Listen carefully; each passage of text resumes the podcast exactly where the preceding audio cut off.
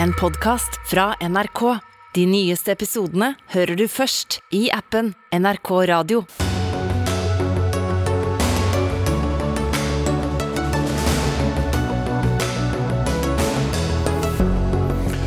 Fattige land sier de ødelegges av klimakatastrofer skapt av rike land som blir rikere av å skape dem. Nå vil utviklingslandene ha sin del av oljeformuene på klimatoppmøtet i Egypt. Men det er ikke så mange som er interessert i å dele. Første dag i retten for 52-åringen som nå er siktet for drapet på Birgitte Tengs, 27 år etter at det skjedde.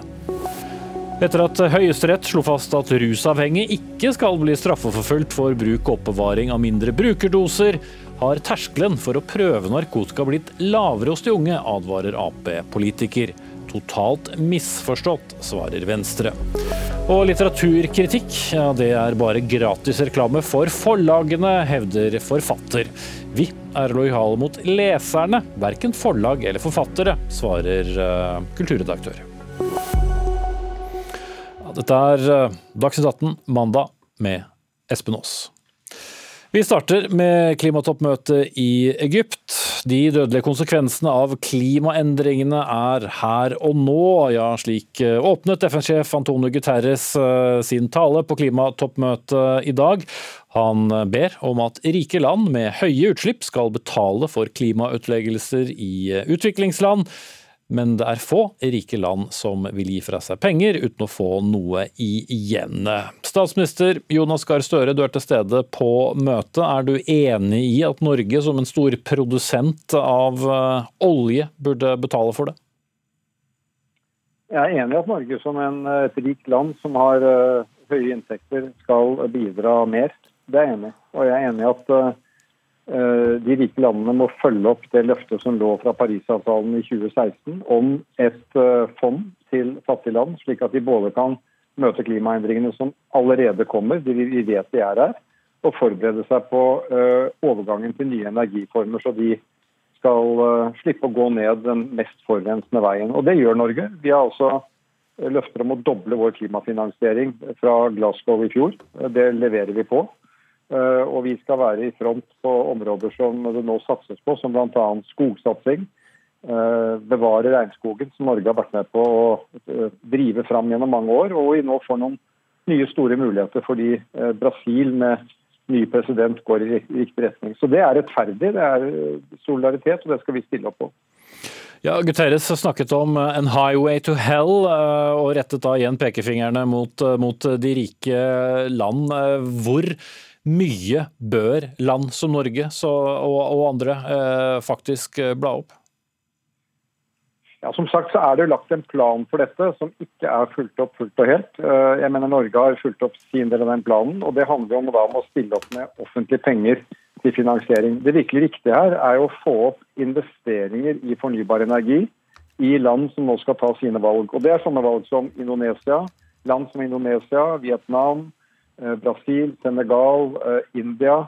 De tar nå valg. Skal de bygge flere kullkraftverk hvor teknologien er kjent og hvor det er eh, lett å gå i gang med det, eller skal de gjøre noe som over litt lengre tid kommer til å bli rimeligere, og som ikke kommer til å ha utslipp? Satse på solkraft, vindkraft, havvind, hydrogen osv. Der må vi altså få frem store private investeringer. Det er noe Norge jobber for, og det kan stimuleres ved at vi også bidrar med statlige penger sånn som da eh, Norge og andre land bør gjøre mer av. Det er en kombinasjon av det private og offentlige vi må få til i stor skala. Kikki Kleiven, du er direktør ved Bjerknessenteret for klimaforskning. Eh, hva betyr det at nå tap og skade er den store saken på dette klimatoppmøtet? Ja, Det er jo fordi det ikke ble fulgt opp skikkelig på klimatoppmøtet i Glasgow i fjor. For det det som tap og skade går på, det er jo at klimaendringene er ikke bare noe som skjer nå og vil skje i framtiden, men det er noe som har skjedd det siste århundret. Og Det er jo akkurat dette historiske perspektivet som er det viktige med hensyn til tap og skade. For i dag så har vi å gjøre med tap og skade som er forårsaket av denne historiske oppvarmingen.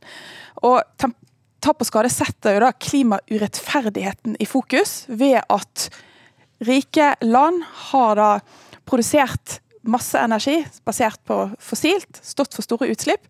Og det er da fattige land som selv har svært lite klimautslipp, som som da mottar liksom, de ødeleggende resultatene av klimaendringene. For Klimarelatert tap og skade det er de virkelig alvorlige effektene av klimaendringer. som Selv om vi klarer å kutte klimaendringer eller tilpasse lokalt, så skjer disse uavhengig. Det er store orkaner, det er flom, det er ras, det er virkelig de store klimakatastrofene som skjer plutselig.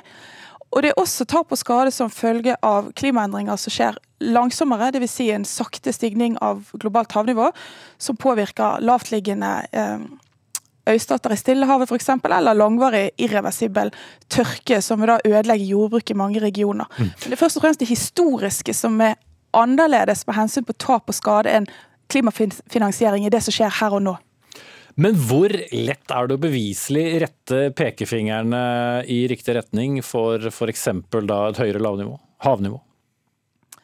Vel, det er veldig vanskelig å rette det tilbake til enkelte land, men det er jo ikke vanskelig å se på at de aller største klimautslippene over de siste 100 årene kommer fra land som først satte i gang med den industrielle revolusjonen eh, med, med fyring på kull, og senere satte i gang olje- og gassproduksjon og har gjort dette i stor stil.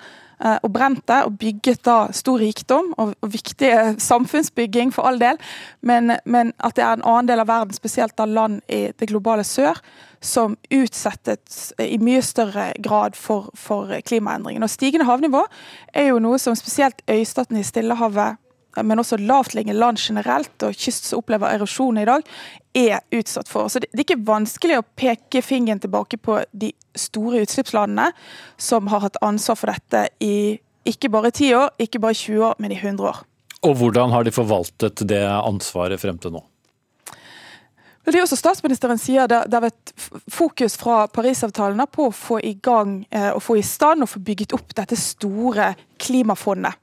Eh, og Det går jo på å, å, erstatte de klimaendringene som skjer her og nå. Så avbøter det med f.eks. tilpasning, og da hjelp til å, å, bygge opp teknologi for uh, fornybar energi, altså det grønne skiftet. Men det er jo ikke nok, ifølge de land som var med på, som sto bak dette viktige oppropet og fikk dialogen i gang i Glasgow i fjor på klimatoppmøtet, ledet an av Bangladeshs statsminister, så vil jo de ha fokus på det historiske ansvaret. Altså det å faktisk eh, være altså I Norges del da, skal vi helt tilbake til liksom starten, på, starten på oljealderen vår. så liksom, Vi fant ekofisk i 69 og begynte å produsere tidlig på 70-tallet. Er det det vi skal ta ansvar for? Skal vi erkjenne det ansvaret? Og det er det jo klart at det var veldig mange land som ikke ønsket å komme i en sånn situasjon, eh, og ledet an da av USA. Så er det flere land som, som eh, sto veldig tydelig imot dette ansvaret. Det kom ikke inn i avtalen i Glasgow. Ja, jeg må bryte deg litt av der. Vi har den tiden vi har, Kikki Klein. For jeg må tilbake til Jonas Gahr Støre, som snart må forlate telefonen. I hva slags grad har også utviklingsland selv ansvar? Altså jeg tror i hvert fall Det å peke fingre på liksom at noen har ansvar og noen har ikke ansvar, det, det tar oss ikke noe særlig sted. Jeg tror ikke det kommer til å bli en sånn type ordning som sier at du skal lage en slags uh, andel som land skal betale tilbake til for en ansvar. Det viktige nå det er å få fokus på hvor vi er nå og hvor vi skal framover. Og da må vi gjøre to ting. Det ene er å hjelpe de landene som allerede nå erfarer klimaendringer, til å kunne forsvare seg mot det. Pakistan. Jeg skal ha et møte, ledet møte i morgen for sårbare samfunn sammen med Pakistans statsminister at Pakistan kan beskytte seg bedre mot det som allerede treffer dem nå. Eh, og Det må vi mobilisere penger til, og vi må komme med hjelp og støtte til at de landene som er utsatte, kan uh, gjøre tilpasningstiltak på det som skjer nå. Og Så er jo det store spørsmålet er hvordan vi får ned utslippene, så vi kan holde dette 1,5-gradersmålet uh, uh, i live. Og Da må vi skjerpe kravene vi stiller til oss selv for å kutte utslipp. Det har Norge gjort på denne konferansen. Vi må komme opp med penger og teknologi på hva som kan ta oss i fornybar retning, bort fra kull, bort fra olje, bort fra gass, inn i teknologier som kan fange og lagre CO2. Alt det. Og det har vi dårlig tid på. Men på dette møtet er det også en god del optimisme å spore. Vi får nå betydelig fremgang på å bevare regnskogen. I forhold til hva man trodde for et år siden, så er det framgang å spore der. Vi har hatt et stort møte i dag om å utvikle grønn skipsfart. Hvis, hvis skip hadde vært et land, så hadde det vært det åttende utslippslandet i verden. Og det har til nå vært veldig lite regulert. Nå går skipsfartsnæringen og skipsfartsnasjonene kraftig inn for å gjøre noe med det. Så vi må få tiltak på hva som kan få dette problemet løst over tid. Og det er jo å følge opp målet om å kutte utslipp, komme til uh, null i 2050 og betydelig langt på veien innen 2030. Kjetil Bragle Astaheim, politisk redaktør i Aftenposten. Du er også til stede på klimatoppmøtet, og har rukket noen klimatoppmøter tidligere også. Ut fra den tonen Guterres la an i dag, hvor optimistisk er delegatene på nok et klimatoppmøte? Nei, Tonen fra Guterres var jo veldig skarp. Han, han er eh, gjerne veldig skarp. Så, eh, og, og er, verden er jo ikke på riktig eh, kurs med tanke på det å stanse oppvarmingen på 1,5 grader, som var, var, det målet de bekreftet i fjor da de var i Glasgow. Eh, Guterres gikk jo rett videre da til, til Pakistans paviljong rett etter åpningen i dag. Hva var det han ville sende slags signal? Nei, Der eh, møtte han eh, da Pakistans eh, statsminister, og det signalet Guterres ville sende, var at Pakistan er et eksempel på at det trengs støtte til fattigere land som, som opplever at de rammes av klimaendringer. Pakistan har jo hatt en forferdelig flom i sommer. Anslagsvis 33 millioner mennesker som har vært berørt. En god del som ble drept, mange som er skadet, mange som har mistet hjemmene sine, bønder som har mistet husdyr avlinger som er blitt ødelagt. Og Guterres budskap var at uh, i Pakistan ser vi tap, og i Pakistan ser vi skade. Og så er spørsmålet hva, hvordan skal, uh, skal, dette eh, løses? Hva slags mekanismer eller systemer eller fond skal brukes? Og selvfølgelig det store spørsmålet hvor skal pengene komme fra? Ja, og hvilke land ligger dårligst an i, i så måte? Nei, det, det, pekes jo mot, uh, mot, de rike landene. og så er det jo eh, Et land sånn som Kina er jo nå blitt verdens største utslipper av klimagasser. Uh, og Kina prøver å liksom ikke havne i klubben med de landene som har mye historisk ansvar. Sånn at der, der, er det jo en, en liten Det er et av spenningsmomentene her da, i, i klimaforhandlingene. Og så er jo Eh, noe av det vi, vi hører her, eh, sånn som f.eks. Støre snakker om, så er jo én ting er eh, å, å, gjøre noe med de, de tapene og de skadene, klimaskadene som allerede er kommet pga. historiske utslipp, men det viktigste er å, å stanse de, at det blir verre. Og da må, da må også fattige land kutte utslipp. Sånn som Pakistan er jo et land der utslippene øker ganske kraftig. Så det er, det er jo disse to tingene som er viktig på dette møtet samtidig. Både det å, å få denne tapp- og skadediskusjonen i en eller annen retning, og det å sørge for at utslipp kuttes i, overalt, og at de landene som nå skal utvikle seg økonomisk, gjør det med fornybar energi og klimavennlige løsninger. Kjetil B. Alstheim, politisk redaktør i Aftenposten, takk skal du ha. Takk til Kikki Kleiven, direktør ved Bjerknessenteret for eh, klimaforskning, og statsminister fra Arbeiderpartiet, Jonas Gahr Støre.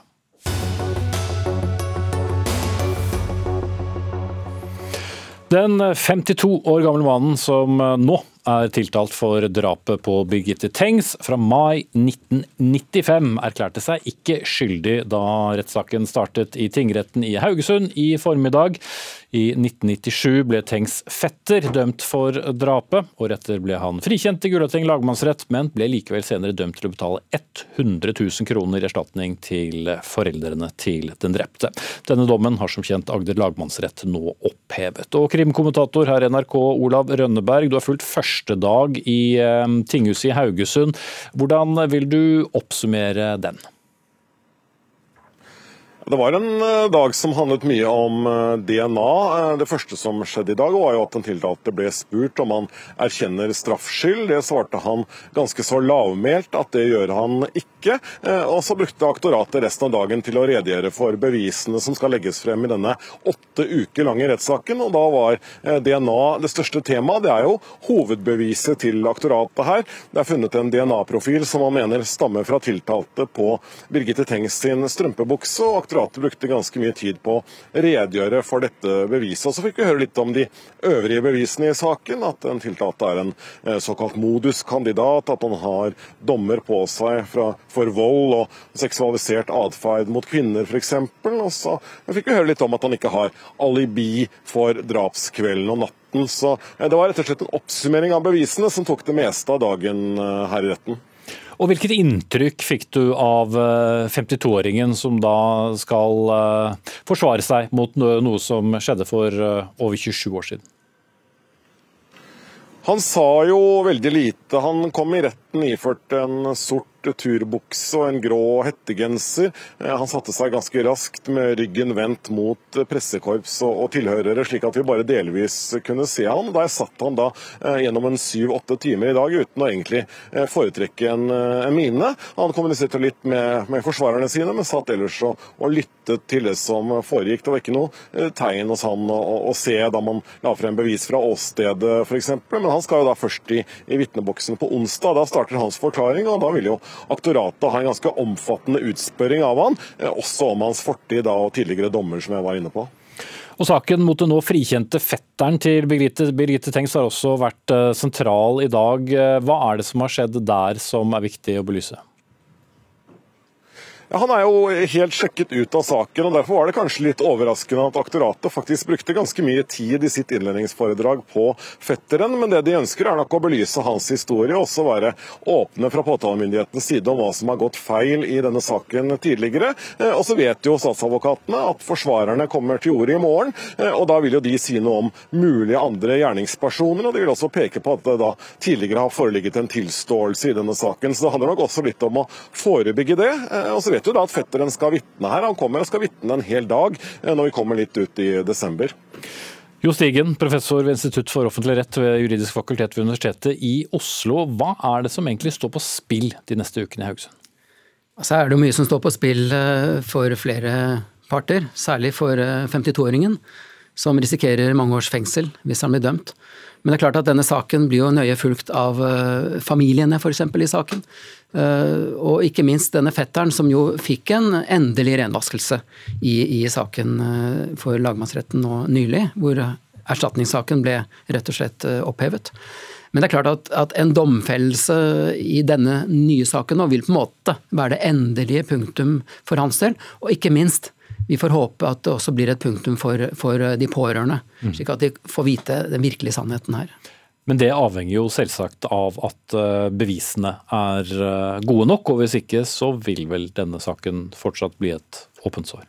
Ja, det er jo sånn at mange drapssaker blir ikke oppklart, og det skyldes jo i stor grad at det skal så veldig mye bevis til for å domfelle. Det skal ikke være noen rimelig tvil. Så, og det er jo litt av kjernen i hele denne saken, at selv om man blir frikjent, så, så er ikke det det samme som å si at man, helt, at man ikke begikk forbrytelsen. Det skal ikke være noen tvil, og, men vi får jo håpe at påtalemyndigheten har det skal litt til før det går til sak, og de fleste saker ender jo sånn statistisk sett med en domfellelse. Mm. Men ut fra hvordan du kjenner saken, så er vel særlig dette DNA-beviset veldig viktig eh, fra, fra påtalemakt?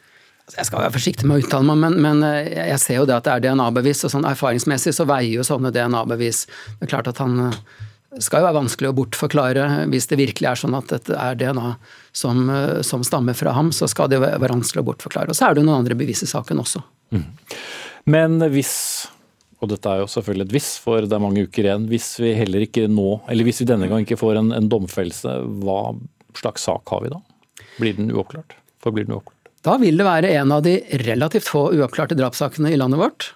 Uh, og det er jo uheldig hver gang. Det er jo da folk som aldri får et ordentlig svar. Men eh, samtidig så er jo det noe av prisen for den rettssikkerheten vi har. At det skal være vanskelig å få noen domfelt. Så, så prisen for den høye bevisterskelen i en straffesak er at en del straffesaker blir oppklart fordi man ikke har nok bevis. Morten Holmboe, professor i juss ved Politihøgskolen. Eh, Birgit Tengs-saken blir jo også et vendepunkt for hvordan politiet foretar avhør. Hva var hovedgrunnen til at eh, det her kom en endring? Det var fordi man jo fant ut gjennom denne saken at den måten å avhøre på skaper en betydelig risiko for uriktige tilståelser. Og Derfor det jo, ble det jo et skifte hvor man begynte å, å, forske mer på hvordan kan vi gå fra en tilståelsesfokusert etterforskning til en mer undersøkende etterforsking. Altså Før dette så kunne man jo få høre at nå, når du har magefølelsen på at det er gjerningsmannen som sitter i stolen, så må du ikke gi deg. Men her, nå er det jo slik at man skal jo da prøve å være kritisk til egne hypoteser. Man skal tenke jo vel, han var der og det var sånn og sånn, men er det noen argumenter mot? Så dette har jo vært en veldig endring i det, i det senere år. Med, både, på, ja, både på våre utdanninger og, vi har, eh, og på mange andre steder. Mhm. Men, men rent konkret, altså det handler om spørsmålsstillingen og hvordan eh, en, en, mistenkt eh, blir, blir avhørt? Ja, så man skal altså rett og slett ikke gå inn i dette at nå, nå har jeg ham, jeg må bare, bare, få ham fanget til dette. Man må være åpen for at det kan være forklaringer på det og det som gjør at jeg tror han kanskje er skyldig. Så kan det være andre forklaringer, og det må jeg være åpen for. Men det er ikke det samme som at man kan konkludere med at denne litt mer etterforskende, spørrende måten å, å stille spørsmål på er så konkluderende eller nødvendigvis eh, en, en vei å, å, å komme frem til riktig person på? Nei, altså man må, jo, man må, jo, selvfølgelig spørre for Når man har noe som tyder på at her kan det være gjerningsmannen, så må man jo stille de spørsmålene som kan bidra til å oppklare det. Det må man jo. Men eh, det betyr jo ikke at man er garantert å ikke gjøre feil i, i dag heller. Nå har påtalemyndigheten det de mener eh, er et eh, fellende bevis. Hvor sterkt står denne saken, tror du? Jeg, eh, kan ikke akkurat si at den står så og så sterkt, men det er klart at påtalemyndigheten tar jo bare ut tiltale når den er selv er overbevist om straffskylden, altså at den selv ville dømt hvis den satt i dommersetet, og mener at den, og det kan vi bevise i retten. Det er jo ikke en garanti for at det blir domfellelse, men det er klart det er ikke, en, er det er ikke sånn at man prøver tiltale og ser hvordan det går. Man er ganske, ganske sikker. Så her har man nok gjort et veldig grundig arbeid. Og så blir det jo opp til da hvordan eh, saken går. og det er viktig at Selv om alle har behov for en slags avklaring i denne saken, så er det fryktelig farlig hvis behovet for en slags avklaring blir forstyrrende. Her kan vi, Hvis det er rimelig tvil, så skal også denne mannen frifinnes. Men det betyr ikke at fetteren på noen måte er i, i noen mistankesøkelse. Han er helt sjekket ut av saken. Mm. Men uh, Jo Stiged, uansett utfallet av denne rettssaken, så går jo hele Birgitte Tengs-saken inn i, i norsk uh, rettshistorie på, på, på, så mange måter. Hva er det, det viktigste som blir uh, stående igjen? Det er jo en diskusjon som pågår i juristmiljøet nå, om man fortsatt skal ha det slik at man kan bli frifunnet i straffesaken, men samtidig bli dømt til å betale erstatning. Og Det er jo rett og slett fordi, som Morten nettopp sa, det er så strengt krav som skal til for å straffe. Men i en vanlig erstatningssak, hvis jeg påstår at du har ødelagt min mobiltelefon, så skal dommeren meg, dømme deg til å betale erstatning hvis det er mest sannsynlig at, at det er riktig. Så her møtes måte erstatningsspørsmålet og straffespørsmålet. Og så er det veldig mange som mener at det er uheldig da, at hvis du er frifunnet, så vil det, det at du likevel retten på en måte kommer til at sannsynligvis har begått eh, forbrytelsen. At det er veldig uheldig, for da, da rokker du ved frifinnelsen. Da blir ikke frifinnelsen like god. Vi, vi, klarer ikke å dømme deg, men vi tror du gjorde eh, begikk forbrytelsen. Og, og Det var et utvalg som i 2016 foreslo at dette skulle bli endret. At dette ikke skulle være mulig. Men foreløpig har ikke Justisdepartementet fulgt det opp, og det er argumenter i begge retninger her. Men jeg tror denne diskusjonen er ikke ferdig. Altså. I Danmark så er det f.eks. ikke mulig. Nei, fordi Poenget er rett og slett at uh, så lenge du er frikjent da, i dette tilfellet for, for et drap, men likevel blir idømt å betale erstatning, så er det veldig vanskelig å se på seg selv som frikjent. Ja, og, og rent faktisk så har jo eh, en hel slekt her kanskje gått rundt og trodd, eh, og lagt til grunn for, for alle praktiske formål, at, at fetteren var skyldig. og Det har vi jo lest i avisen. Og det er jo selvfølgelig veldig uheldig. Det er jo et stigma en sånn erstatningssak. Men det er veldig, veldig vanskelig spørsmål, og jeg håper det vil bli diskutert litt fremover. Mm. Olav eh, Rønneberg eh, i, Haugesund. Eh, det blir onsdagen som du nevnte i sted som kanskje er det første store interessante. I morgen er det tiltaltes forsvarer som skal i ilden. Men hva bør vi se etter nå fremover i, i denne rettssaken? Ja, Forsvarernes jobb er jo å skape tvil der tvil kan skapes, og kanskje da særlig rundt eh, dette DNA-beviset. Det er nok slik at Hvis retten er i tvil om eh, styrken i DNA-funnet, det er nok veien mye kortere til en eh, frifinnelse. Men så må man jo da også vurdere den tiltaltes egen forklaring. Det er jo et viktig prinsipp i strafferetten at bare hvis retten kan se helt bort fra den tiltaltes forklaring, så kan de dømme hans. Det blir interessant å høre hva han sier, og til slutt her hvordan dommerne vurderer vurderer dette, men det er jo en kjensgjerning at det er en stor sjanse for at denne saken uansett vil bli anket til lagmannsretten når den er over her en gang etter nyttår. Så det vil nok ta ganske lang tid før vi får eh, flere svar her. Ja, du skriver på nrk.no i dag at aktoratet på mange måter legger opp til et høyt spill. Hva mener du med det?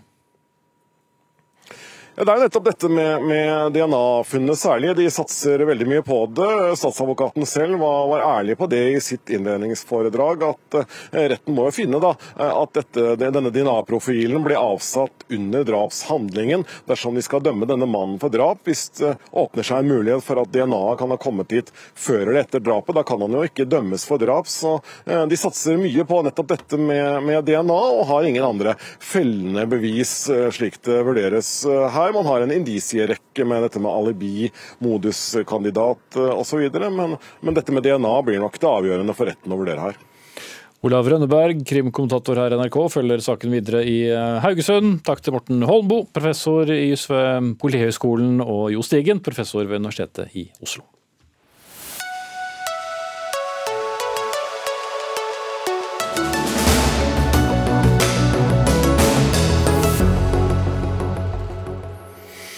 Så til uh, ungdom og rus i etterkant av det havarerte forslaget til rusreform som ble lagt frem men, uh, av den forrige regjeringen, men stemt ned i Stortinget. Høyesterett har tatt uh, grep i så måte, eller Riksadvokaten, og så langt i år har politiet i Stavanger bare anmeldt åtte unge mennesker for narkotikabruk, mens det i 2018 var 96. Betyr det at eh, Stavanger Ungdom har sluttet med narkotika i løpet av årene som har gått? Nei, sier du Ine Haver, tidligere sosialarbeider og nå kommunestyrerepresentant fra Stavanger Arbeiderparti. Hva er din forklaring på tallene først? Eh, for det første så vil jeg bare si det at vi alle har vel et felles mål, og det er at vi ønsker å hjelpe de unge, spesielt de under 18 år. Eh, og jeg tenker det at de tallene som politiet viser til. De viser, det er ikke sannferdige tall. For vi vet at det er mange mange flere unge som ruser seg i Stavanger, og òg i, i, andre byer. Men hvorfor blir da tallene sånn? Eh, eh, Tallene blir sånn fordi at eh, de dommene som Solberg, Solberg-regjeringen sine politiske føringer i forhold til rusreformen eh, førte til at eh, Høyesterett gikk inn og fremla disse dommene. Eh, og Riksadvokaten kom i etterkant med et skriv. Eh, det har ført til enormt usikkerhet hos politiet. De er redde for å gjøre feil. De får beskjed om at de ikke skal prioritere disse sakene. Eh, og ungdom blir ikke fanga opp på samme måte som før. Men eh, hvis man leser da brevet fra Riksadvokaten, så skriver jo han da om eh, de som har rusproblemer, og at det er disse sakene skal handle om. Hvorfor eh, smitter det da, slik du sier det, over på, på ungdom som ikke nødvendigvis har noe historikk med rus? Nei, det, det, vet jeg ikke. Men, men det, det, jeg vet, er at det har jo òg blitt oppretta eh, sånne eh, rådgivende enheter for rus. Eh, og I Stavanger har vi én, og i Oslo så er det 15. Og eh, i Oslo så er det ingen som har møtt på disse enhetene. Ja, og Dette skal da være et alternativ hvis du da uh, blir tatt med Bruk for bruk og besittelse. Mm. ikke sant? Men, men uh, her er, sitter der rusenheter klar til å ta imot, eh, men de får ingen Eh, ingen overført. Vi, vi, skal la akkurat de ligge litt. Grann. Ingvild Wetterhus Thorsvik, du er stortingsrepresentant eh, fra Venstre, eller for Venstre, og eh, var jo ditt parti da, som satt i, i regjering og, og, prøvde å få gjennom denne rusreformen. Nå har det blitt litt andre ting i kjølvannet av den. Blir du bekymret når du hører så stor nedgang i, i tallene som i Stavanger? Nå er det jo heldigvis ikke sånn at eh, det skal en anmeldelse mot et barn til for å kunne hjelpe dem. Eh, I mine øyne så er det heller ikke politiet som best kan hjelpe barn og ungdom som sliter med rusmidler. Eh, det er det barnevernet, skole, helsetjeneste som skal bistå dem med. Men i dette innlegget som dere vises til, så, er det litt sånn at det sauser sammen litt forskjellige ting. For det er jo to brev som har kommet fra Riksadvokaten. Det første brevet omhandler tvangsmiddelbruk, som også adresserer adresseres eh, i dette innlegget. Altså Det Riksadvokaten gjorde i det brevet, var jo å klarlegge rettstilstanden. Han har ikke endra noe. Det har aldri vært sånn at politiet har mulighet til å gjøre eh, kroppsransaking, husransaking i mobil, urinprøve, eh, hvis de mistenker at noen har en brukerdose. Det gjelder både barn og det gjelder voksne. Og så er det disse dommene fra Høyesterett som Riksadvokaten i etterkant da har eh, kommet med et notat for å eh, gjøre at politiet eh, følger anmodningene her. Og det gjelder jo da, som du sier, altså personer som har rusavhengighet. Det vil heldigvis gjelde de aller, aller færreste barn og ungdom. Og det som Høyesterett gjorde, er jo fordi at Høyesterett er jo ikke et politisk organ, så det de har tatt utgangspunkt i, er jo den minste enigheten som man fant på Stortinget, som altså inkluderte det som Arbeiderpartiet var enige om, altså at folk, tunge brukere av rusmidler ikke skulle straffes. Så bare for å klargjøre det, det er ikke sånn at politiet har mista noen virkemidler, de har bare aldri hatt disse virkemidlene. Så hva er det du ønsker politiet skal gjøre da f.eks. i Stavanger, eh, Haver? Skal de, altså, var det bedre at de var mer frampå eller aggressive som de var tidligere? Nei, vet du hva. Altså, eh, når, når eh, Venstre eh, henviser til det at liksom, politiet har gjort ting de ikke har hatt lov til, så snakker vi ikke om at de skal dra barn inn på stasjonen, kle dem og kroppsvisitere dem. Det er ikke det det handler om. Men det har oppstått i kjølvannet av det Riksadvokaten har skrevet, en stor usikkerhet. Og politiet de skal selvfølgelig ikke behandle, de skal bare avdekke. Og det er de som skal henvise til de rusenhetene, sånn at de skal få hjelp der. Og det skal være en mild form for påtalelatelse. Men hva er det politiet da leser ut fra det som har kommet eh, fra, fra Riksadvokaten da? For det er jo to forskjellige ting som er eh, de som er eh, misbrukere og de som er ungdom. Ja, jeg, tenker jo at eh, selvfølgelig skal vi hjelpe tunge rusmisbrukere. Men selvfølgelig skal vi òg hjelpe de unge. Det har vi en plikt til. Hvis jeg som 13-åring hadde begynt å ruse meg, og ingen hadde stoppet meg, eh, og jeg som 18-åring satt som tung narkoman, eh, så kunne jeg sett tilbake og sagt hva gjorde politi, hva gjorde barnevern, hva gjorde skole? Vi har et samfunn nå eh, som ikke agerer på disse sakene. Og Det handler ikke om at politi skal gå inn og bruke grov politimakt, men det handler om at politi må få mer klargjørende eh, regler eller klargjørende instrukser fra Riksadvokaten som gjør de litt mer trygge, mm. sånn okay. at de kommer til rusenhetene og får den hjelpen og oppfølgingen de trenger. Torsvik. Ja, altså Politihøgskolen har jo da altså sammen med Politidirektoratet utarbeida ganske mye eh, opplæringsmateriell for politiet for å klargjøre situasjonen rundt tvangsmiddelbruk. og Det oppgis heller ikke i undersøkelse at det er så mange politipersoner som har utfordringer med dette som, som enkelte skal ha det til. Og så tenker Jeg jo at det, jeg mener at det er en misforståelse å tenke at straff eller trussel om straff skal være den rette medisinen for å hjelpe barn og unge som har rusutfordringer. Altså For det første så mener jeg jo på et generelt grunnlag at vi skal være forsiktige med å bruke straff mot barn og unge. Men for det andre så risikerer vi jo å skyve de som vi aller helst vil hjelpe, enda lenger bort fra oss. Eh, både i form av at folk kan være redd for å oppsøke hjelp i akuttsituasjoner, men også at man kan være redd for å oppsøke hjelp generelt. Ja. jo, jo, skjønner det, men som Haver da viser til, så er det jo disse enhetene da som er opprettet som skal brukes. og Hvis ikke de brukes, så må det være en, en svikt et sted. Altså, eh, eh, Politiet kan fortsatt eh, som vilkår for påtaleunnlatelse henvise folk eh, og barn og ungdom til disse rusenhetene. Eh, disse tallene eh, er jo vanskelig å spekulere i hvorfor de ser sånn ut, men det kan jo også ha noe med hvilken grad av tvangsmidler som har blitt brukt før presiseringen fra Riksadvokaten kom. Eh, og Da er det jo i tilfelle ulovligheter som har ført til at eh, man har hatt alle disse anmeldelsene mot barn og unge. Eh, forhåpentligvis så betyr jo det at barn og unge plukkes opp i andre instanser, og som ikke er politiet. For det er ingen forskning som tilsier at trussel om straff eller straff okay, har noen preventiv effekt. Ja. Haver, haver. Men, men, men, det, men, det, jeg lurer på, det er jo det. Hvem er det som er ute i helgene? Eh, i, i bybildet. Hvem er det som har muligheten til å fange disse opp? Eh, der er frivillige natteravner, eh, men det er ikke så mye foreldre som nødvendigvis er ute på byen. ikke sant? Hvem er det som kommer i kontakt med disse barn og unge? Og Politiet har jo ikke en intensjon om å straffe disse, de har en intensjon om å sørge for at de skal få hjelp. Og Det er derfor det er så viktig at politiet nå får, blir trygge på eh, hva de kan gjøre, sånn at de kan henvise til disse her rusenhetene. Som det er satt av mange millioner til. Mm. Kort til slutt, eh, Torsvik. Har kan det være en effekt av dette at politiet har blitt eh, mer utrygge, eller politiet, burde politiet spille en mindre rolle i rusforebyggende arbeid?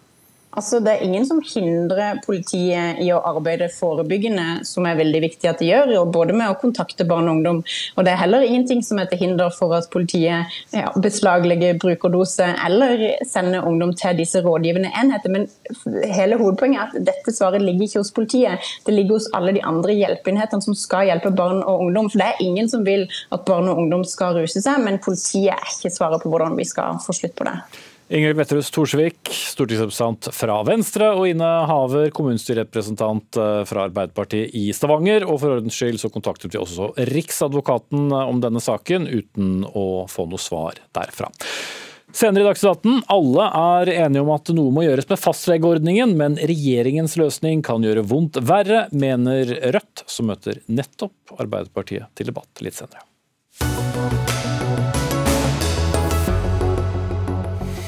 Med chartret eh, togvogn og buekorps ved avgang reiste samferdselsaksjonister fra Vestlandet med tog til hovedstaden i dag for å demonstrere mot transportpolitikken til eh, regjeringen.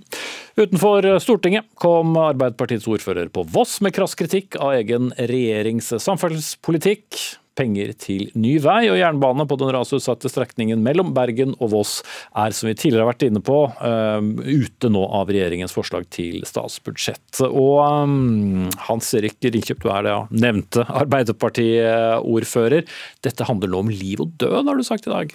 Ja, det? Liv og helse har jeg vel sagt, men det er jo liv og død. Vi snakker jo om eh, en strekning som er veldig eh, ras- og ulykkesutsatt. og Det er 50 menneskeliv som har gått eh, de siste ti årene, og det er 300 ras. Så det er, det er veldig krevende. Og Vi snakker jo om hovedveien og banen som bitter øst og vest i, i, lag. sånn at det er jo et stort og viktig nasjonalt prosjekt vi snakker om. Det er ikke, det er ikke bare viktig for Vossa-ordføreren, for å si det på det viset.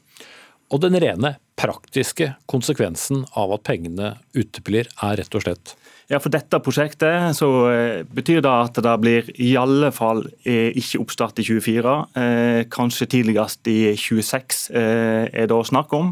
Og ny vei og bane helt til Voss. Da er det egentlig ute i det blå.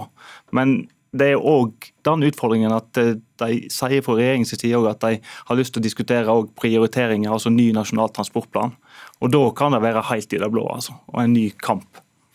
Fra en eh, Arbeiderpartimann til en annen. Johan Vosara, du er statssekretær i Samferdselsdepartementet og vant eh, billett til Dagsnytt 18 i dag. Eh, handler det ikke om liv og helse, eller i ytterste konsekvens liv og død når det gjelder denne strekningen, slik dere ser det? Jo, det gjør det nok, men det gjør det også for veldig mange andre strekninger i dette landet som er under utbedring, der man har store investeringsprosjekter gående, og som jo er med på å illustrere at det er tross alt eh, historisk høy eh, satsing, altså nivå på samferdselsprosjekter i dette landet eh, pågående as we speak. Og Det er jo med på å liksom, eh, danne en, sånn forklaringsmodell for hvorfor ikke vi gang, igangsetter flere nye prosjekter nå. Der har regjeringa vært tydelig på at vi må prioritere å få fullført de prosjektene som tross alt pågår. Eh, ha rasjonell fremdrift på det som er igangsatt, og så må vi da ta en fot i bakken på det som ikke er igangsatt enda, eh, med tanke på den krevende økonomiske situasjonen som vi står i, med økende renter og prisvekst ut av kontroll og de, de tingene der. Men Syns du det er en god forklaring til de som eh, ferdes strekningen Bergen-Voss eller eh, andre veien, som har da levd med det som kalles for dødsveien i så mange år, at eh, nei, beklager? Altså, vi har jo forståelse for at det er en frustrasjon lokalt og regionalt for det her prosjektet, at det ikke er penger til forberedende arbeider gjennom 2023. Men der er det jo viktig å understreke fra regjeringa som sier at prosjektet er jo på ingen måte skrinlagt. Eh, vi er veldig tydelige på at det har en høy prioritet. Eh, hva betyr det, da? Nei, Det betyr at eh, vi har ikke tenkt å gjøre omrokeringer på prioriteringslista på sånn som den foreligger nå. Dette er rett og slett en fot i bakken pga. den økonomiske situasjonen. Oppheting i økonomien som jeg tror vi alle kjenner på, med økende renter og, og, okay, og ja, den, den, kjenner vi godt fra dette programmet. Ja, alle må gi Ja, alle må, må gi. og Det var det vi og budt på. Og eh, Det var et ønske om litt over 300 millioner til dette prosjektet for å holde framdrift. Eh, nå sier vi 200, og det er det prosjektet trenger. Og det er jo klart at Da tømmer ikke statsbudsjettet. Det er ikke det som velter, eh, velter statsbudsjettet. Det er ikke det som gjør at rentene kommer til å gå opp osv. Det her handler jo om å ta uh, alle de reisende uh, på vei og bane på alvor. Eh, ta på alvor alle de som sitter hjemme alene fordi at de har mista noen. Eh, eller de som sitter hjemme eh, og er skada fordi at de har kjørt på denne veien. Eller ta med seg den frykten som folk opplever hver eneste dag når de reiser på dette strekket. Men, men, bare for å poengtere det, disse 200 millionene endrer ikke på det? Det endrer Nei, ikke veien? Men, men, de 200 millionene ville vært veldig tydelige på at uh, Vasara og regjeringen vil dette prosjektet. Eh, og sånn som det er nå, og da som de kommuniserer også at vi skal diskutere ny nasjonal transportplan, ny, ny prioritering. Og det kan jeg ikke skjønne eh, en mening å, å, gjøre. I så fall så tar det deg en dag og så sier at dette her skal vi prioritere så raskt som mulig når handlingsrommet er der. Og Det samme gjelder jo også på østsida når vi kommer til Ringeriksbanen. Mm. Vi skal ta den litt, men du kan svare til første. Nei, og så, Som sagt så ligger jo ambisjonene fast på uh, å få gjort de utbedringene som, uh, som, tross alt politisk er veldig tydelig kommunisert ut, og som ikke minst transportvirksomhetene, etatene, er veldig tydelige på at bør prioriteres. Uh, men som sagt så, så, er vi i en situasjon i dag der, der vi må tråkke tråkke litt på bremsepedalen. Vi eh, har en prisstigning og en rentevekst som er ubehagelig for de aller fleste. Men det skal jo ikke betale for hele prosjektet nå, det er jo det som er litt av poenget fra din partikollega her. Ja. Det han vil er jo at dere bruker penger til en utredning, og så kommer utbyggingskostnaden langt frem i tid, og kanskje er hele denne inflasjonsperioden over? Ja, altså nå ligger jo den til oppstart opprinnelig i 2024, eh, så, så den regninga på 27 milliarder som dette prosjektet er beramma til, den vil jo komme da raskere enn det vi kanskje har handlingsrom til. Eh, så, så, det ligger jo eh, sånn, Skal vi gå videre med for, eh, forberedende arbeider for oppstart, så må vi jo være seriøse hvis vi, vi, gjør det. Og da skal vi selvfølgelig følge det opp med midler også. Men der er vi ikke i dag med, med de du, du nevnte Ringeriksbanen her, og, og, den er jo også nå i det blå. og Dette handler jo om å få redusert reisetiden eh, mellom Oslo og Bergen kraftig. Hvilke effekter kan det få at det prosjektet også nå har fått pause? Nei, det, der, Effekten er jo som du sier at eh, det blir òg eh, skyvd ut i det blå. I verste fall så kan vi da risikere at regjeringa ønsker og ny reguleringsplan. Det er snakk om å splitte opp prosjektet. Så Alt det som er gjort for oss å få det prosjektet ned, både med gjennomføring og pris. Og Det viktige her er jo reisetid, da, ikke sant? for å være et alternativ til fly. og, ikke sant? Og, og, vi snakker jo da om, Hvis vi får reisetid ned til fire timer, da, så disse to prosjektene er et stort bidrag til, så altså kan vi altså tredoble antall reiser mellom eh, Oslo og Bergen, så hele strekket, som da vil avlaste fly.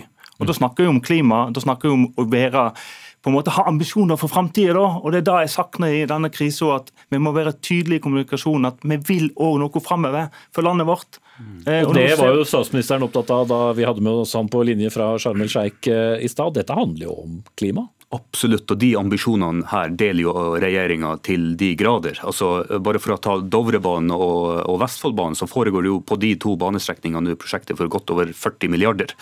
Så regjeringas klimapolitikk står og faller ikke på en utsettelse som det her er snakk om eh, på en banestrekning eller to, eh, når det tross alt pågår historisk høye investeringsprosjekter på nettopp jernbane. Det hjelper bare ikke så mye hvis du eh, skulle bo vestpå? Nei, absolutt ikke. Det, det hjelper ikke. Og Da må jeg reise hjem og så se mine innbyggere inn i øynene og si at beklager, men regjeringen min den leverer ikke. Mm. Din regjering, hvordan regjering. smaker det? Det smaker veldig dårlig. Det er ikke noe kjekt å sitte her.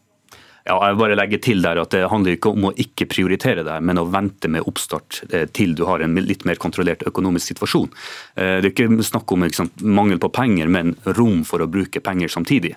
Det er liksom det som er det store, den store, store utfordringa for norsk økonomi akkurat nå. Tror vi fikk med oss det. Johan Vasara, statssekretær i Samferdselsdepartementet fra Arbeiderpartiet og fra samme. Hans Erik Ringkjøp, ordfører på Ås.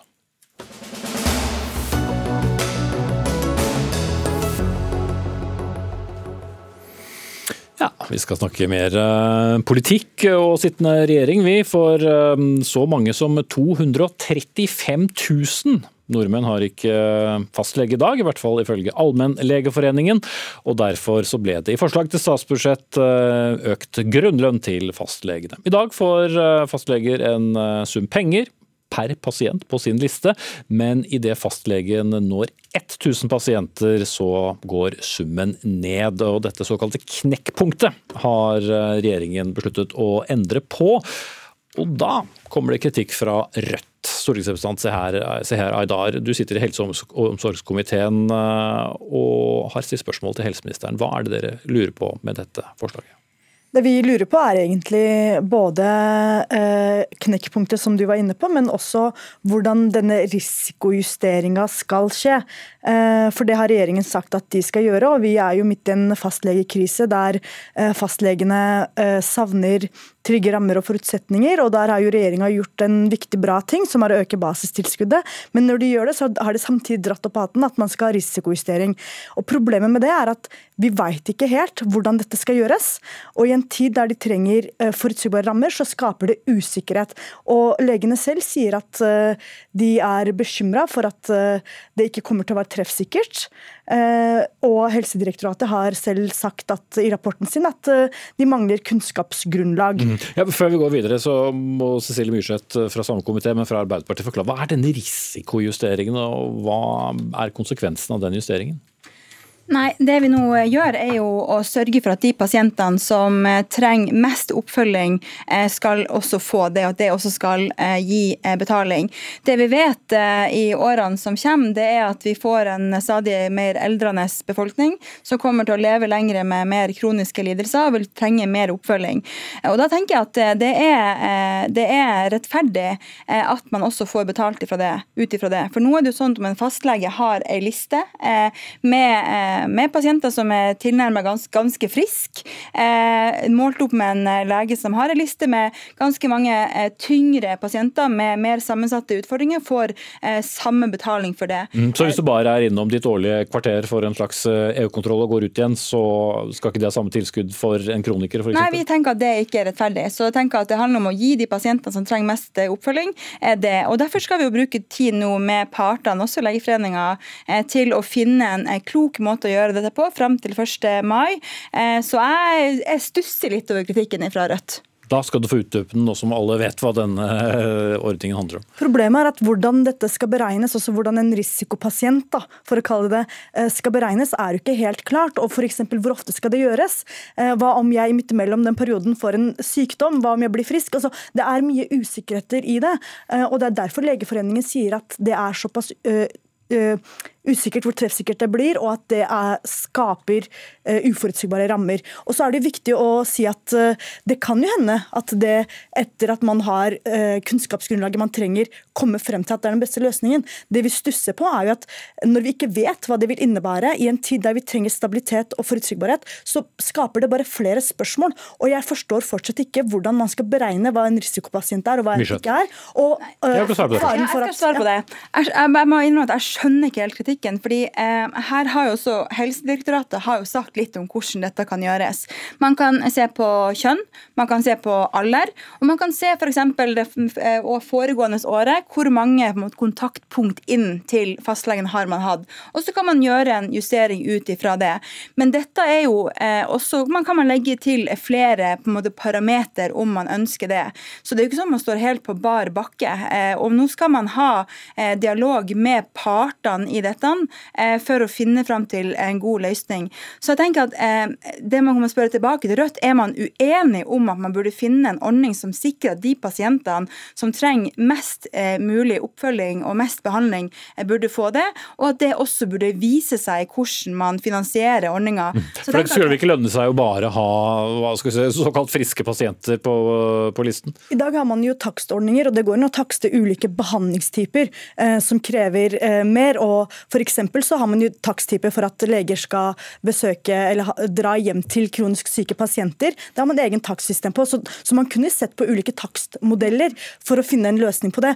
Eh, poenget her er jo at, poenget her er jo at uh, man går inn for det før uh, regjeringa satte ned selv et ekspertutvalg, hurtigarbeidende ekspertutvalg, mm. som skal levere noe allerede 1.12. Vi veit ikke hva resultatet av det blir. De så, så kritikken går på at de har satt i gang noe som ikke de er ferdig utredet? Som, som også legene selv og Helsedirektoratet sier at mangler kunnskapsgrunnlag. Mm, Så dette er ikke bare noe Rødt sier, Ja, dette er også veldig mange både okay. pasientgrupper og Legeforeningen jeg kan selv sier. Fordi det, dette det er jo to forskjellige ting. Eh, eh, nå gjør jo regjeringa ganske mange ting eh, på en gang. Og det å klare å ha flere tanker i hodet på en gang tenker jeg er en bra ting når vi står i den krisa som vi gjør. Politikere er opptatt av det, gjerne. Og det, og det utvalget eh, som vi snakker om, de kommer med sin første delrapport allerede 1.12. Så jeg tenker det arbeidet vil man jo da kunne ha med seg inn.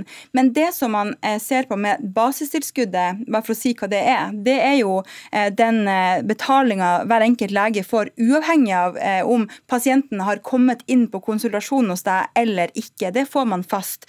Og det er jo det som legene har ønska at vi må øke. Det gjør vi nå. Bruker rekordmye penger på det, men vi mener at vi må kunne stille noen krav også til eh, legene eh, på det. Og så skal vi også se på takstsystemet, for det er jo det som begynner å, begynner å tikke inn når du kommer til fastlegen din, eh, og se på hvordan man kan innrette det bedre. Men nå gjør vi mange ting på en gang, og dette er en rettferdig måte å gjøre sikre Man kan jo justere kursen etter hvert. Hva er deres alternativ? da? Ja, så klart kan man gjøre det? det. Først, først og fremst si at det går an å gjøre det, men heller på behandlingen som utføres, istedenfor forhåndsbestemte diagnoser. Eh, fordi det er jo det som blir sagt at er vanskelig å gjøre der vi er nå. Og så vil jeg, Jeg bare tror ikke si det er så vanskelig. Eh, ok, da er i hvert fall Helsedirektoratet har sagt at det mangler, mangler kunnskapsgrunnlag. Legeforeningen sier at de er bekymra for at det, kan være, eh, at det ikke er treffsikkert og at det kan skape uforutsigbarhet. Så, og pasientforeninger, ulike pasientorganisasjoner har gått mot det. Så dette her er jo uh, fint at regjeringen er selv, altså, er selvsikre på det, men jeg skulle ønske at vi Vi er bare sikre på at det finnes, det finnes, det finnes um, nye måter å gjøre det og stille noen krav på. Og jeg skulle bare ønske at Rødt kunne si litt mer om hva som var deres løsninger for å løse fastlegekrisa, i stedet for å bare komme med kritikk uten egentlig å ha for, ja. Det sitter jeg til med spørsmålet selv òg, men det er tiden jeg ble- jeg ble eh, ute. Rare ting har skjedd enn at man har blitt avbrutt i Dagsnytt 18. Men nå skjedde det igjen. Takk skal du ha. Seher Audar fra Rødt og Cecilie Myrseth fra Arbeiderpartiet.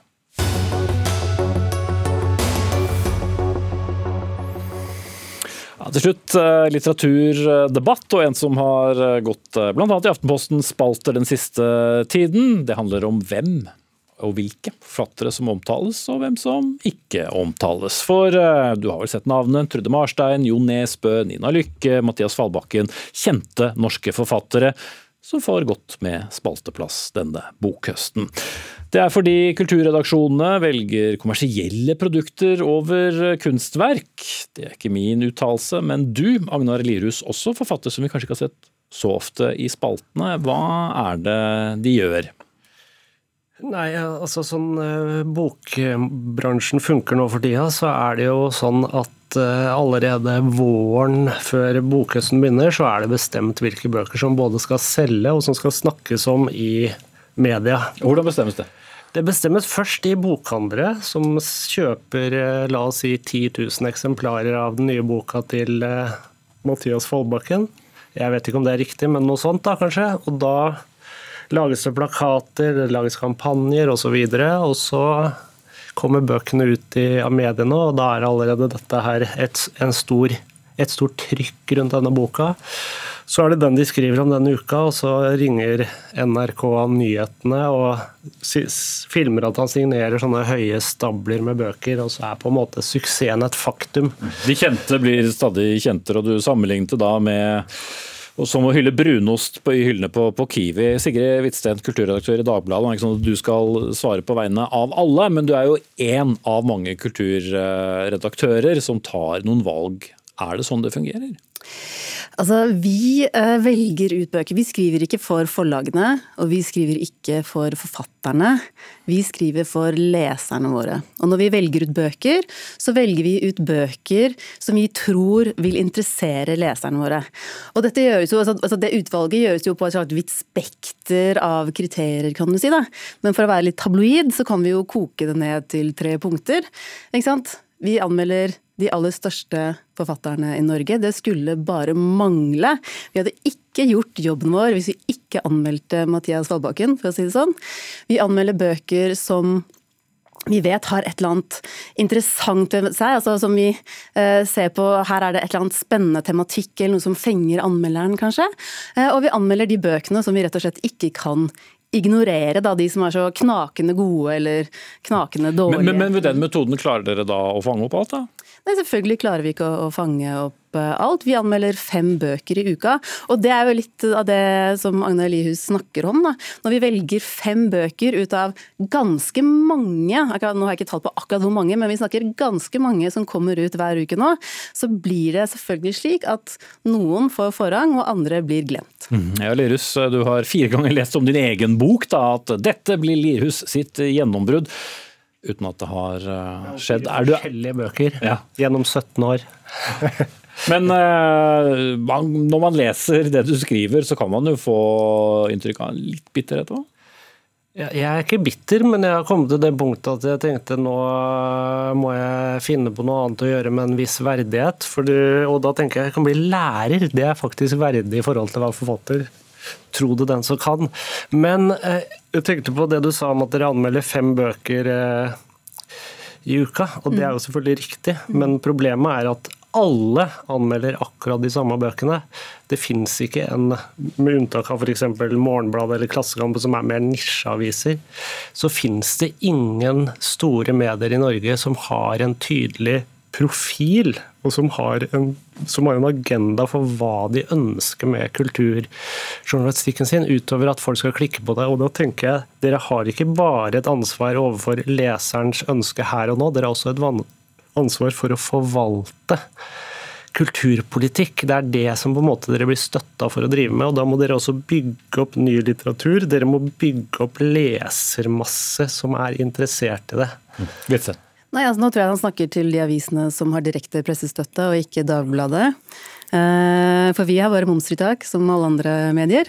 Eh, men vi er veldig opptatt av i Dagbladet å kanskje å dekke ja, det aller største, men også det som er litt smalere, som vi føler har en slags spennende friksjon i seg. Da. Så hvis du går inn og ser på Dagbladets output, eller alle de bøkene som vi har anmeldt de siste halve året, så tror jeg nok du vil finne en del bøker som ikke nødvendigvis er Trude Marstein. Men jeg har bare et spørsmål til deg. Mener du virkelig at vi skal anmelde din bok framfor Trude Marstein?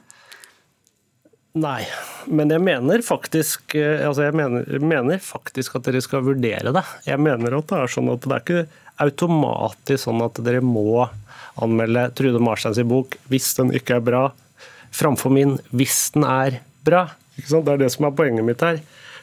De som ikke er på den lista fra før, de blir veldig fort bare skyvet til sides. Og det mener jeg er ganske tydelig. Og dere har jo anmeldt alle de bøkene jeg skrev i min kronikk. Abs, det, er, det, det er, akkurat de samme. Men, men, bare for å dra det tilbake til denne brunostanalogien. Hvis, altså, hvis man alltid serverer brunost, er det ikke da så gøy å kunne være Dagbladet som uh, kommer med den litt spennende, annerledes blåmuggosten som ingen har jo. smak for? Eller den nye Knausgård, den nye Marstein? Det er kjempegøy, og det prøver vi også. Men nå er det noe slik at Vi er midt i bokhøsten. Eh, og Bokhøsten er de tre månedene i året hvor det kommer ut utrolig mange bøker, og hvor forlagene dytter de aller største forfatterne sine inn på et sånn lite område. Så jeg ville sagt Agnar, neste gang gi ut boka di i mars, så kan vi se eh, om vi får en anmeldelse da, for da er det mye mer plass til å være sprelsk og leke seg. Men skriver du da primært på en krittavle, kanskje? Nei, men jeg, altså For det første så er det ikke jeg som bestemmer når boka kommer ut. Men jeg, det, det, gjenspeiler vel kanskje litt av problemet her. ikke sant? Vi forfattere vi har vært veldig lydige, veldig snille, veldig stille i veldig lang tid nå. Så ser vi f.eks. på musikkbransjen, så har jo, har jo artistene skapt sine egne plattformer hvor de gjør det de vil sjøl. Jeg utelukker virkelig ikke at det skjer i bokbransjen også. Vi forfattere vi er på forlaga fordi at vi vil ha redaktører. ikke sant? Uh, inntil, altså, en stund så hadde vi også et veldig bra dis distribusjonskanal, men det er jo nå i ferd med å forvitre. Så vi kan skaffe redaktører sjøl, vi kan gi ut ting sjøl.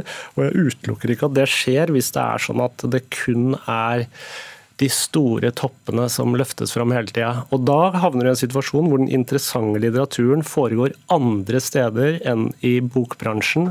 Men det er kanskje et stykke tid? Nei, jeg tror også han, jeg synes han peker på noe veldig interessant. For at vi har sett den, si, den forskyvningen i musikkbransjen. Eh, og jeg også tenker at bokbransjen ligger kanskje litt etter prosjekter digitalt, og vi har ikke hatt de store forskyvingene som naturlig vil komme etter hvert. Eh, så jeg tror også at vi står overfor en ganske spennende si, endring etter hvert, som også den ganske tradisjonelle bokbransjen tar opp i seg at vi er på vei et annet sted. Da. Eh, og det vil vi selvfølgelig følge da, i Dagbladet. Jeg syns det er veldig veldig spennende. Og jeg syns også at Annelius peker på noe interessant. Altså, det er jo kjedelig hvis det blir ensretting, og det må vi jo jobbe mot. Men det er jo ikke sånn at vi sitter og planlegger med de andre redaksjonene da, hva vi skal eh, skrive om. Vi konkurrerer faktisk. Skulle gjerne hatt et kapittel til, det blir ikke tid til. Agnar Lirus, forfatter, og Sigrid Hvitsten, kulturredaktør i Dagbladet. Gro Arneberg var ansvarlig for sendingen. Vegard Erstad tok seg av det tekniske. Jeg heter Espen Aas. Ses i morgen. Eller høres.